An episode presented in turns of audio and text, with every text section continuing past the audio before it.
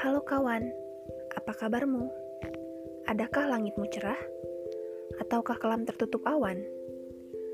Jangan kerutkan alis apabila mendung menutupi atap langit. Masih banyak lubang angkasa yang akan terbuka lebar. Tetapi, kadangkala pikir dan hati tak bisa bekerja sama. Penatkah demikian? Kalau iya, mari sejenak beristirahat.